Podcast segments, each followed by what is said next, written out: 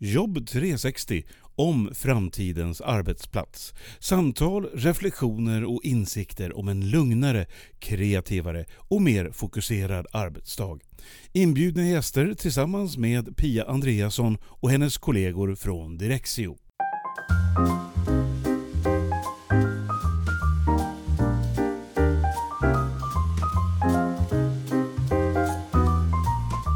Nu ska vi få träffa två personer som har varit med tidigare i podden Jobb 360. Det är Mille Bäckman från Telia och hans kollega Henrik Gustafsson. Och vi ska prata tillsammans om vad som har hänt med det digitala arbetssättet nu i coronatider. Och mer specifikt om eh, hur det gick på Telia och även om vad Telia gör för att hjälpa sina kunder att hitta rätt i det här nya arbetssättet. Mycket intressanta frågor för alla som nu jobbar mer digitalt, kanske sitter på hemmakontoret och arbetar. Och vi kanske inte riktigt ser något slut på det heller. Det verkar som att vi ska få fortsätta på det här arbetssättet en bra tid framåt. Välkommen till Jobb 360!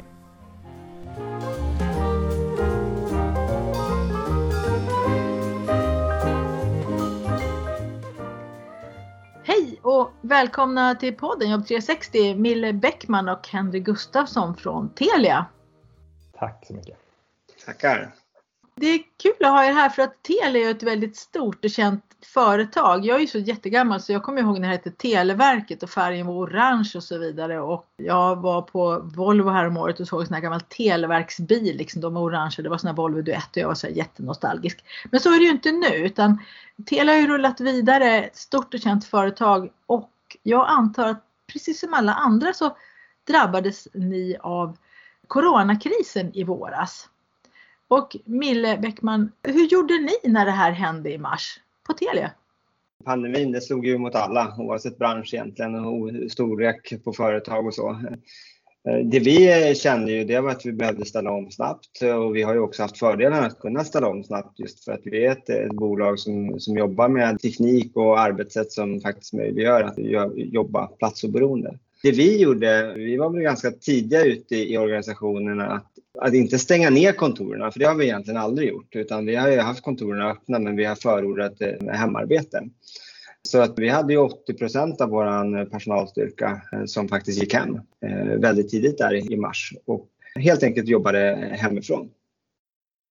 Så på någon dag så där bara så blev det tomt på kontoret. Var Henrik, var du på kontoret då och såg liksom det här lämmeltåget eh, gick ut där? Du har inte jobbat där på Telia så länge, men hur var det? Exakt, det var det som jag skulle kommentera. Jag har ju i princip inte varit på kontoret sedan jag började jobba i april på Telia. Du hann inte ens in? En, liksom. nej. nej, jag hann inte ens in. Så att, eh, jag har ju suttit hemma sedan dess och lärt känna nya kollegor, nätverkat, haft kundmöten och, och, så vidare eh, helt digitalt eh, hemifrån. Du hade ju förstås jobbat mycket digitalt förut men hur kändes det liksom att vara på ett företag och ögonblickligen bli liksom en representant digitalt istället för att man fick träffa människor fysiskt? Hur upplevde du det? Alltså jag kanske fick lite draghjälp ändå för att den här enheten som jag tillhör som jobbar mycket med digitalisering och förändring vi vill gärna prata om var vi är på väg och, och hur man kan jobba smartare och, och, jag fick väldigt mycket möjlighet att hålla kundwebbinarier som också hjälpte till att eh, hitta ett nätverk på Telia. Då. Så att jag, jag har knutit mycket kontakter den vägen då, förutom de här projekten och vanliga möten man har. Då. Så att, eh, ja, det, det har gått över förväntan ändå. Så man kan säga att det du jobbar med blev plötsligt verklighet helt och hållet? Det var ja, ingenting det du pratade om längre utan det var bara var så. Precis. Det som Henrik beskriver här, det är att vi som jobbar med de här frågorna, vi som är ute och träffar företag och, och som är i den här digitala resan där man blir mer platsoberoende. Så ser det inte ut på alla, alla delar inom Telia. Men så Telia är ju precis som du nämnde en stor organisation och har väldigt många olika typer av arbetsroller och, och funktioner. Men här kunde vi också se att väldigt många funktioner faktiskt kan utföras utan att man är på ett kontor. Sen har ju vi alltid förespråkat att kontoren är en viktig del och det vi kan se det är att Många medarbetare upplever det att de är produktiva, väldigt produktiva idag när man sitter hemma och så, men man saknar väldigt mycket det sociala. Man saknar ja, men engagemanget kan gå ner och här är det väldigt mycket kring ledarskap och medarbetarskap. Man måste eh, aktivt eh, kanske i en större än tidigare jobba med hur får man igång det sociala i den digitala kontexten. Och här försöker vi som stor organisation eh, jobba med olika typer av program för våra medarbetare som ska underlätta deras sätt att arbeta. För det vi kan nog konstatera är att det kommer ju bli mer distanserat arbete framöver. Kontoren kommer givetvis finnas kvar men kanske ha en, lite, en liten annan funktion. Och det gäller nog inte bara Telia, det gäller nog alla organisationer. Man kommer kanske inte uppleva den där förkylda kollegan så ofta längre utan man kommer eh, kanske jobba mer hemma. Och då måste man utforma kontoren på, på kanske lite annat sätt. Henrik, jag tänker på, du har ju varit inne i det här och jobbat med den digitala arbetsplatsen länge. Du skrev i boken där tillsammans med Oskar Berg också, den digitala arbetsplatsen. Så ni har haft det här i åtanke väldigt länge och nu som jag sa nyss, det blev ju plötsligt verklighet. Hur upplever du att människor som du har pratat med och mött och som kanske inte hade varit inne i de här tankegångarna så mycket förut, hur, hur tänkte de kring det här? Vad landade det hos dem? Ja, det är väl två perspektiv jag kommer att tänka på. Det ena är den typiska medarbetarens perspektiv. Det ser vi i undersökningen som kommer nu också att eh, många ändå sett fördelar med att jobba hemma. Man blir mindre störd, man blir mer produktiv, man slipper eh, pendla till jobbet och så vidare. Så det är väl liksom uppsidan på det hela. Sen nämner Mille det här med det sociala, men jag skulle nog säga att det finns en frustration och en utmaning som börjar märkas mer och mer nu det är att vad händer på mitt jobb? Vem gör vad? Vad är på gång? Hur kan vi vara kreativa tillsammans? Den individuella produktiviteten i all ära, den är ju väldigt bra. Men för att kunna möta nya problem och förändra arbetssätt och fortsätta eh, jobba, inte bara med eh, för att möta pandemin utan även andra eh, kriser och, och miljöutmaningar vi har framför oss, så måste vi kunna jobba kreativt tillsammans och nätverka och sådär. Och där eh, kämpar många just nu. Det finns inte så mycket välutvecklade arbetssätt och kunskapen kring det är inte så hög. Och sen har vi kanske delvis ett digitalt eh, stöd för det. Men det är en utmaning som, eh, som jag ser att många har nu ur ett medarbetarperspektiv. Tar vi det ur ett mer ett ledningsperspektiv, alltså de som vi jobbar med på HR eller IT eller affärsutvecklare, så kliar de sig i huvudet och tänker nu, har vi gått in i eh, det nya normala här nu? Och vad händer efter det? Tar det slut? Går vi tillbaka till så som det en gång har varit eller hittar vi den här mixen som Mille var inne på? Och vad är det för någonting? Så att från att ha varit i ett akut läge, få saker och ting att rulla, där många upplevt att man kanske slängts in i ännu fler digitala möten, ännu fler mejl än vad vi någonsin har jobbat med förut, så måste man kunna ta ett nytt steg och lite mer långsiktigt kunna utveckla eh, verksamheten kopplat till den här fysiska distanseringen. Så där finns en medvetenhet hos eh, staber och ledning att nu måste vi agera här. Eh, det är väl de två perspektiven som, som är stora just nu. Så de löste det mest akuta, man kunde fortsätta jobba och vara produktiv och så vidare. Men så småningom upptäcker man att det här med kollegorna betyder ju ändå någonting mer än att vi bara jobbar det är någonting som jag också tänker på att vad betyder kollegorna egentligen? Att slippa den där förkylda kollegan, det var kanske en jättebra sak. Och slippa kollegan som hela varenda vår pratade om och uppdaterade alla hur det gick med båten som skulle i sjön där och allting sånt kanske också kan kännas bra. Men sen är det väldigt mycket saker som man också saknar. Jag tror Henrik, du, du är lite inne på det att man, man vet ju inte riktigt vad är det vi saknar då? Vad hade vi kontoret till förut när det var bra? Mille, du hade en tanke? Men där, där är just det här spontana mötena där man liksom eh, träffas, eh, delar med sig och jag menar man springer på en kollega i korridoren. Det momentet behöver man ju också få in i det digitala. Och det handlar mycket om att man måste synliggöra som medarbetare och ledare eller som organisationsmedlem mycket mer vad man gör på dagarna. För en del kanske det här känns som att eh, det blir någon som ska hela tiden hålla koll på eh, liksom, vad är det, liksom, vad är det du gör egentligen. Men det är inte, syftet är inte det, utan syftet är ju att man ja, om, ingen, om man inte beskriver vad man gör så ser ju heller ingen liksom, det. Och hur kan jag få ta hjälp och hur kan jag få liksom, eh, men dra nytta av att vi faktiskt är ett team.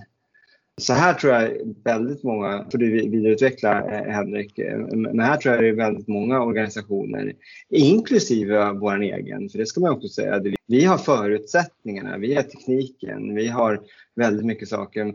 Sen är vi ju som en, en stor organisation har ju ett mycket mer spann som måste liksom ställa om. Eh, så är det ju. Jag tycker det är roligt när du berättar det att du måste berätta mer om vad man gör för att här har jag nu gått och på alla kurser åtta år bakåt i tiden och börjat med att prata om det är viktigt att du sköter din kalender. Och jag har ju pratat om det utifrån ett individperspektiv, alltså att skaffa dig en överblick över din vecka. Hur tänker du att det här ska se ut, de 40 timmarna som ligger framför i den bästa av världar? Vad skulle, vad skulle du tycka utifrån ditt perspektiv, din yrkesroll, dina prioriteringar att du skulle vilja rigga den? Och sen gör du det. Och sen så får man ju se, det ändrar sig ju lite grann om man får byta och flytta på saker men i alla fall och de senaste åren har jag börjat kalla kalendern för informationsdelning 1A. Att man berättar för varandra var är jag och vad gör jag? Och helt plötsligt så seglar det upp och blir liksom verkligen 1A. Att man berättar för människor, kanske först och främst i sin kalender och det här händer. För att jag tittar först i din kalender Mille om jag behöver snacka med dig. Och så säger jag det, nej men det ser ut som att det går bra att prata. Och sen säger jag, du Mille det var en sak. Precis som att vi hade stött på varandra i korridoren. Henrik, vad tänker du om de här bitarna? Alltså jag håller helt med. Det är jätteviktigt att vi har de här gemensamma översikterna om vad vi håller på med som individer men också vad teamet håller på med eller, eller den större verksamheten så att man vet vad man kan bidra eller, eller vad man kan dra nytta av där. Och sen så jobbar vi och försöker uppmuntra så mycket som möjligt, både eh, våra kunder men också internt inom Telia.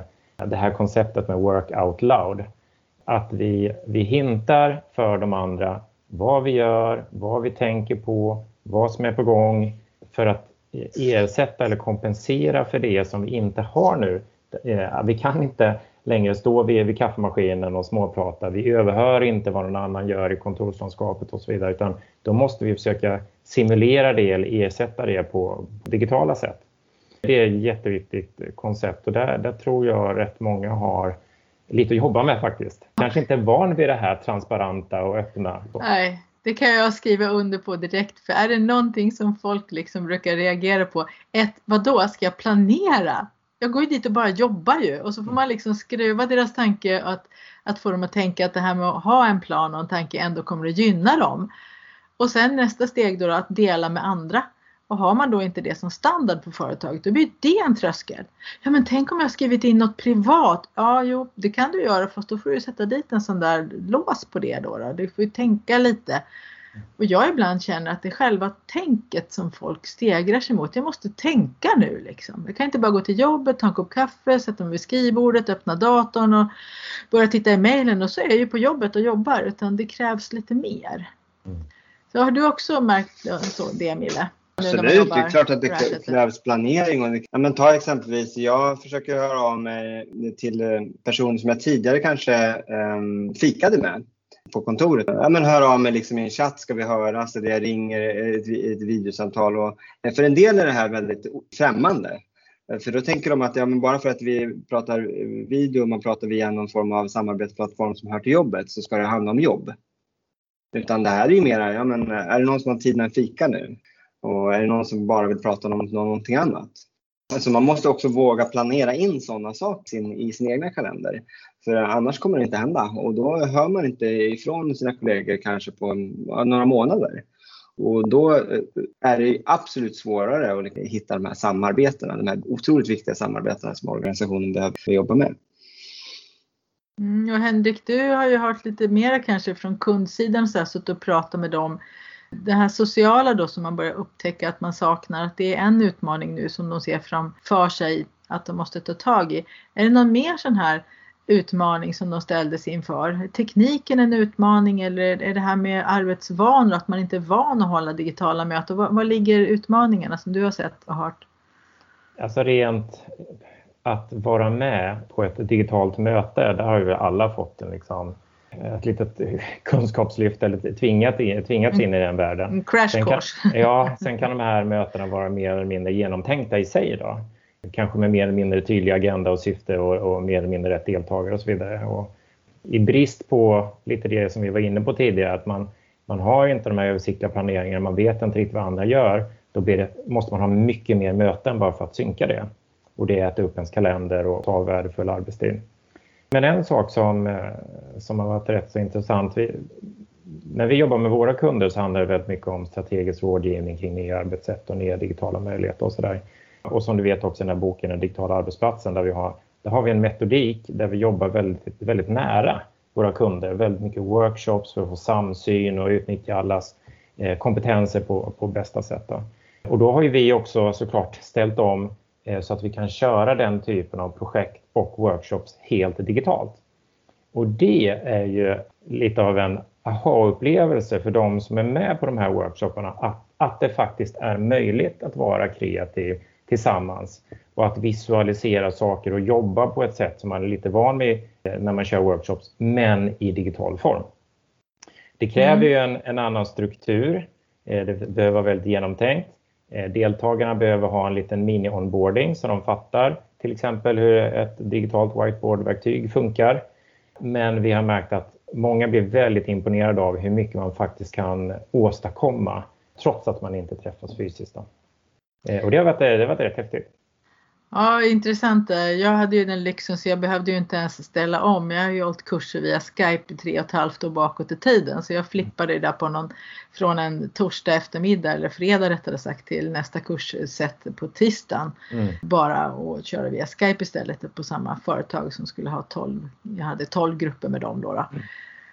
Och det kändes ju lite lyxigt för jag visste ju redan hur man skulle göra. Jag visste hur jag skulle lägga upp där du säger planering. Timingen är ju superviktig när man har de här mötena. Jag, jag måste ju veta på minuten när hur lång tid får varje del ta för att jag ska hinna inom den här tidsramen.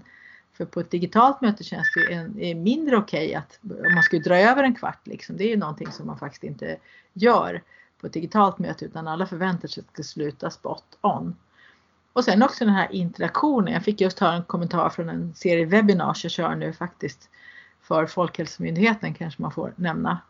Och då var kommentaren att jaha, jag trodde man bara skulle sitta och lyssna. Men så var det ju inte. Och nej, har man ett möte med, när man har, då måste man ju ännu mer engagera människor och få dem liksom att vara, vara med helt enkelt. Absolut.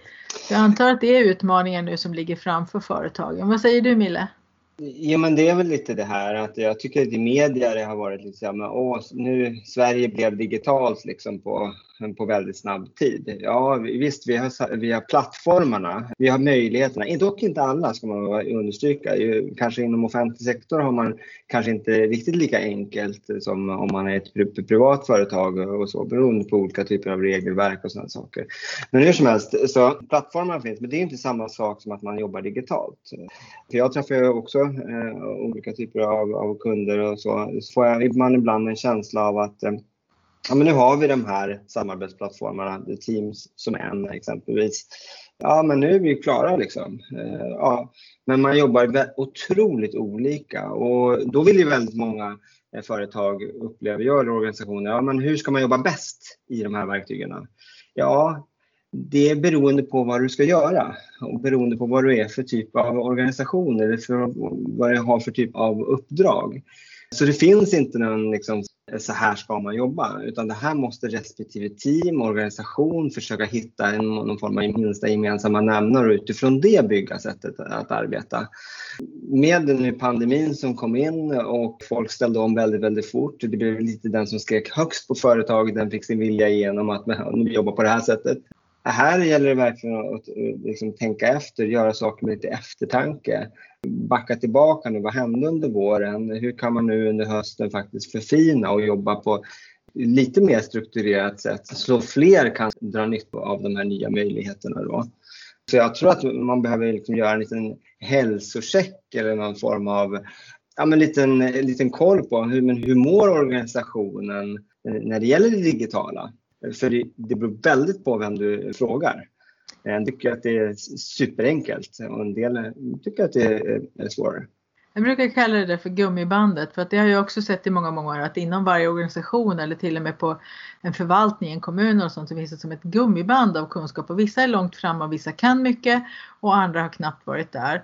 Så när jag började att köra via Skype då för den här organisationen på, på några dagars varsel då var det ju några personer i den gruppen som föreslog att kan vi inte göra så här och så här och utnyttja några av de kanske som finns i Skype då, då funktionerna.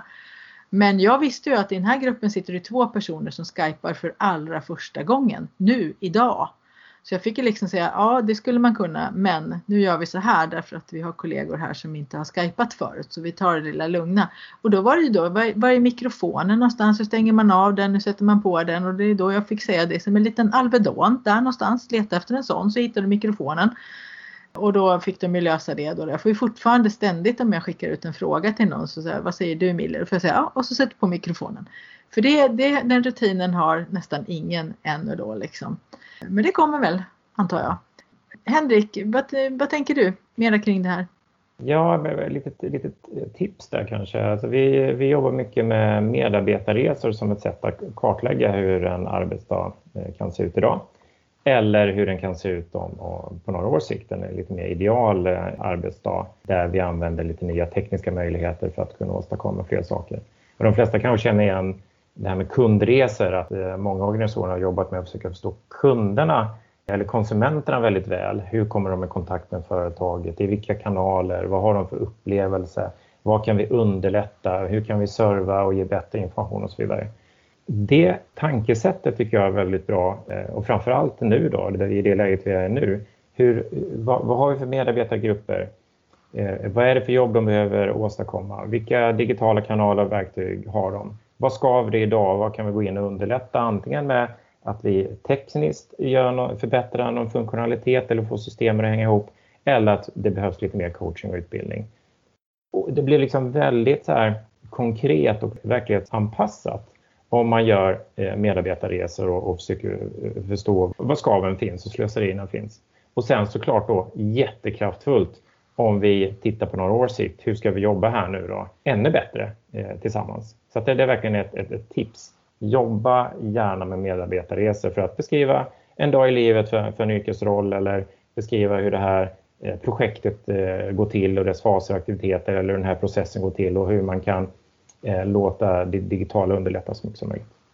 Ja, spännande för att jag ser ju jag ser samma sak fast från ett annat perspektiv. Det jag gör det är att jag skjuter in en massa, först tänk och sen kunskap i hur man kan använda de här väldigt, väldigt vanliga digitala redskapen som man har. Och jag ser ju att när jag skickar in den kunskapen och får människor att börja tänka på det utifrån sitt eget perspektiv, precis som du är inne på att beskriva en vanlig dag, mm. då kommer de fram till olika saker. Mm. Och det, det, första de brukar komma fram till är att varför kollar jag mejlen 15 gånger om dagen? Mm. Det behövs ju inte. Och sen sitter det alltid någon lite längre fram i kurssekvensen då i och med att jag har tre dagar med en månad emellan varje. På, på dag två så är det ju alltid någon som då har inskränkt det här kollandet till kanske bara tre eller fyra gånger om dagen. Då frågar jag alltid, men hände det något då? då? Vart det någon katastrof? Brakar verksamheten ihop eller? Och då skrattar den här personen och säger, nej det gjorde du inte. Jag sa attans liksom, var du inte mera viktig än så? Och så skojar vi lite om det. Och då blir det också ett bra exempel för alla andra personer att vissa saker som man kanske har gjort mer eller mindre vanemässigt förut kan man kanske skruva på och ändra på. Och det gäller också alla typer av arbetssätt. En sak som jag ofta stöter på är människor som har en så kallad funktionsbrevlåda tillsammans med en 3, 4, 5 personer som har ansvar för ett inflöde från kundsidan då eller något i den stilen. Och där finns det ju mängder av kreativa sätt att lösa det på som skiljer sig från det de kanske gjort förut nu när de inte sitter bredvid varandra och kan bolla och säga tar du det och så vidare utan de måste lösa det på andra sätt. Henrik, du hade någonting som du ville säga. Ja, men jag, jag håller med. Eh, alltså, jag ska lägga in det under begreppet självledarskap men i, i den här snabbförändriga miljön som, som vi befinner oss i och, och det är mycket digitala kanaler och det plingas och det är liksom en, en hög stressnivå så, här, så faller det ganska tungt på den enskilda individen att kunna få den här strukturen och överblicken över sin dag och styra den på rätt sätt och, och ta sina pauser och så vidare så att man har energi och, och kan upprätthålla motivation på sikt. En jätteviktig del och det blir extra tydligt då när man sitter hemma själv kanske och, och liksom helt saknar de här vanliga stödstrukturerna runt omkring. Kom och fika nu eller nu har vi de här arbetsmötena och så vidare. Så det är en, en jätteviktig del. Och också hur vi använder dem, som du är inne på, eh, de befintliga system som vi har idag på eh, ett så effektivt sätt som möjligt. Att vi ställer in notifieringar och att vi, vi kan prioritera på olika sätt. Mille, vad tänker du om det här med förändrade sätt att tänka? Jo, men det, det jag skulle flika in där, för vi, nu glider vi lite in på det här med flexibilitet och, och, när det blir väldigt flexibelt, man jobbar hemma, man får ju väldigt mycket mer möjlighet att påverka sin vardag kan man säga. Och här, eh, Henrik nämnde det, det handlar mycket om självledarskap och man måste fundera hur, vad som passar en. Hur, hur är jag som individ? Vad, hur responderar jag och hur, hur trivs jag att jobba i en sån här typ av miljö? Och här är ju, och för att knyta an lite till Utelia, liksom leverera lite på det som organisation ut gentemot sina medarbetare. När det kommer till flexibilitet så gäller det att organisationen inte bara pratar flexibelt utan man faktiskt agerar på flexibilitet och att man försöker ha anställningsformer, man försöker erbjuda stöttning i både ledarskap och medarbetarskap, vad, vad det innebär att jobba flexibelt, hur man planerar sin vardag, hur man minskar stress, vad man behöver tänka på och så. Och här gjorde vi kopplingen då till den här coronasituationen. Vi förberedde, jobbade väldigt mycket med intern kommunikation just kring hur man kan jobba på ett strukturerat bra sätt och också alla våra medarbetare idag får gå ett självledarskapsprogram. Ett program där man själv funderar över och reflekterar över hur, hur jag som individ, vad som passar bäst för mig i framtiden i det här sättet att arbeta. Mm, det låter ju fantastiskt bra att alla medarbetare får möjlighet till att reflektera över just det här med självledarskap för att när man sitter ensam hemma kanske och framtiden kommer kanske göra det fler dagar i veckan. Då bygger det mycket på att man kan styra upp sig själv och bestämma vad jag gör från timme till timme och, och även hur interagerar jag med andra personer då som kanske också sitter i en annan miljö än på kontoret. Jag tänkte vi skulle avrunda lite grann nu och tänkte fråga er var och en. Hur tänker ni nu kring framtiden? Eh, blir det 100% på kontoret tillbaka igen eller blir det 100% på distans eller blir det någon typ av hybrid och hur kommer den i så fall att se ut? Henrik, vad tror du om det? Jag tror att på sikt så behöver eh, kontoren och de arbetsmiljöer som vi befinner oss i, eh, det måste finnas en anledning till att man ska ta sig dit, om jag säger så. Det måste vara någonting extra än att sitta och jobba hemma. Och då tänker jag kanske främst då på kunskapsarbetare här. Då. Det måste finnas en miljö som faktiskt gör att jag känner mig eller kan vara mer produktiv än hemma. Och, jag tror tyngdpunkten kommer att, absolut att gå mot att när vi är på kontoret så måste det finnas miljöer som gör att vi kan samarbeta mycket bättre. Alltså det finns rum och en utrustning som gör att vi får en helt annan upplevelse och bandbredd tillsammans med de som är på kontoret och de som inte är på kontoret när vi samarbetar. För så, så kommer det alltid vara framöver. Det kommer vara mixade eh, möten. Jag tror att arbetsplatserna måste tillhandahålla bättre möjligheter att upprätthålla eh, engagemanget och energin hos medarbetarna med rätt typ av miljöer. Och även det här möjligheten till det lilla extra i det, i det sociala då, som kanske är svårare att få när, när jag jobbar digitalt. Så det ställer lite krav på på arbetsplatserna. Eh, vill ni ha dit era medarbetare och skapa resultat, då behöver det bli lite av en destination man gärna åker till. Sen tror jag kanske att det inte blir de här stora kontoren på samma sätt heller. Jag tror på förortens revansch. Jag tror att man kommer att hitta varandra där och jobba och få socialt utbyte men på digitala sätt vara med sina kollegor. Vad spännande därför att Johan Magnusson här i poddavsnittet som lös upp för er här nu. Han tror ju tvärtom att förorten kommer att dö. Alltså har vi två mm. perspektiv på det här. Det blir ju jättespännande. Ja, jag bara såg rubriken så jag tyckte det var lite ja, roligt lyfta. Mille, vad, vad, säger du om det här då? 100% kontoret eller 100% distans eller hur ser hybriden ut? Jag kan väl bara hålla med eh, just att det kommer vara, det kommer inte vara 100% på kontoret längre utan precis som Henrik varit inne på att kontorets utformning blir viktigt. Det, är ju sociala, skapar det här engagemanget, det måste finnas ett purpose. Alltså varför ska man åka till kontoret? Det måste finnas någonting mer. Sen tror jag också vi kommer kanske se mer i storstäder kanske lite mer satellitkontor. Eh, den här att komma och resa genom hela stan för att eh, komma till den här sociala ytan. Men det, det kanske inte är jättetroligt, speciellt inte om eh, sådana här rekommendationer om att man inte ska nyttja kollektivtrafiken kvarstår. Så att helt klart så kommer det här förändra både kontoren och arbetssätten. Sen tror jag också att det kommer gynna organisationer som är ute efter kompetens, för det är alla organisationer. Man vill ju vara attraktiv som arbetsgivare.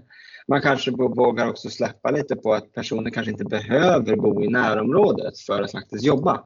Så det är kanske någonting som kommer att luckras upp och i så fall eh, ger det en mycket vidare eh, rekryteringsbas för, för, för företag. Ja, det är också något som flera har varit inne på bakåt i tiden i podden. Jag tror Torbjörn Svedung från Mellerud var ute på den banan för ett och ett halvt år sedan drygt. Han sa ju det, jag, för, jag funderar på att starta en hubb i Göteborg, sa han. För jag kan inte över tid räkna med att rekrytera kompetenta medarbetare hit till Mellerud. Jag måste kunna erbjuda dem att jobba på distans mycket mer. Så att, han var tidigt på bollen med det här.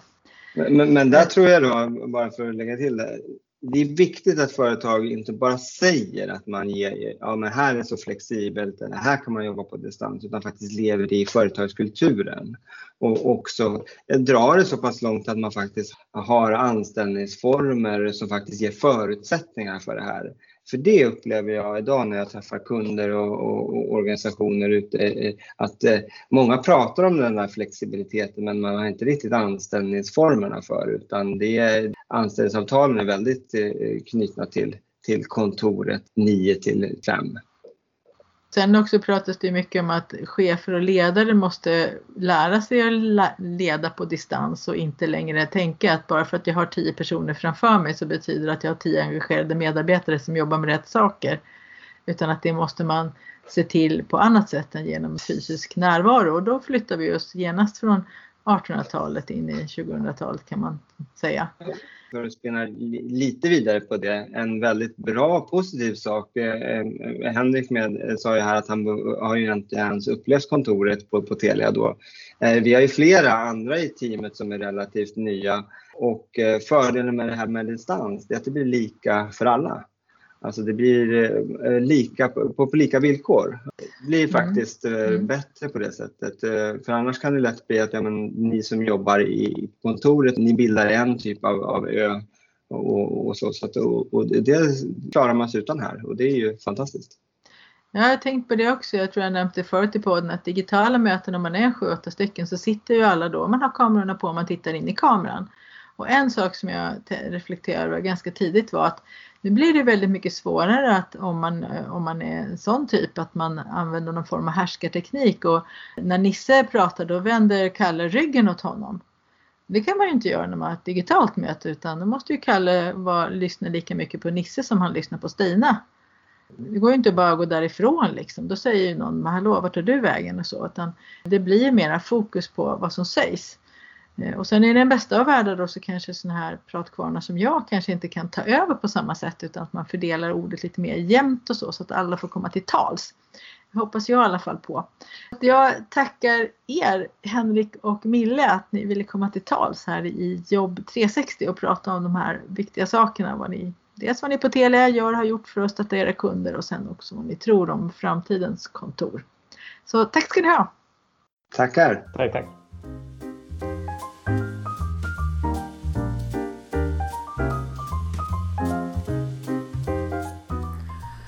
Kontoret måste bli en destination som vi vill komma till. Det tycker jag var en intressant reflektion från Henrik Gustafsson. Och själv har jag också funderat mycket på det här med möten. Vad ska vi egentligen ha de här mötena till när vi sitter fysiskt i ett rum och arbetar? Jag tror att vi kommer omdefiniera väldigt mycket av det här vad ett möte är och vad ett möte ska leda till i framtiden. Tack för att du lyssnar på Jobb 360. Música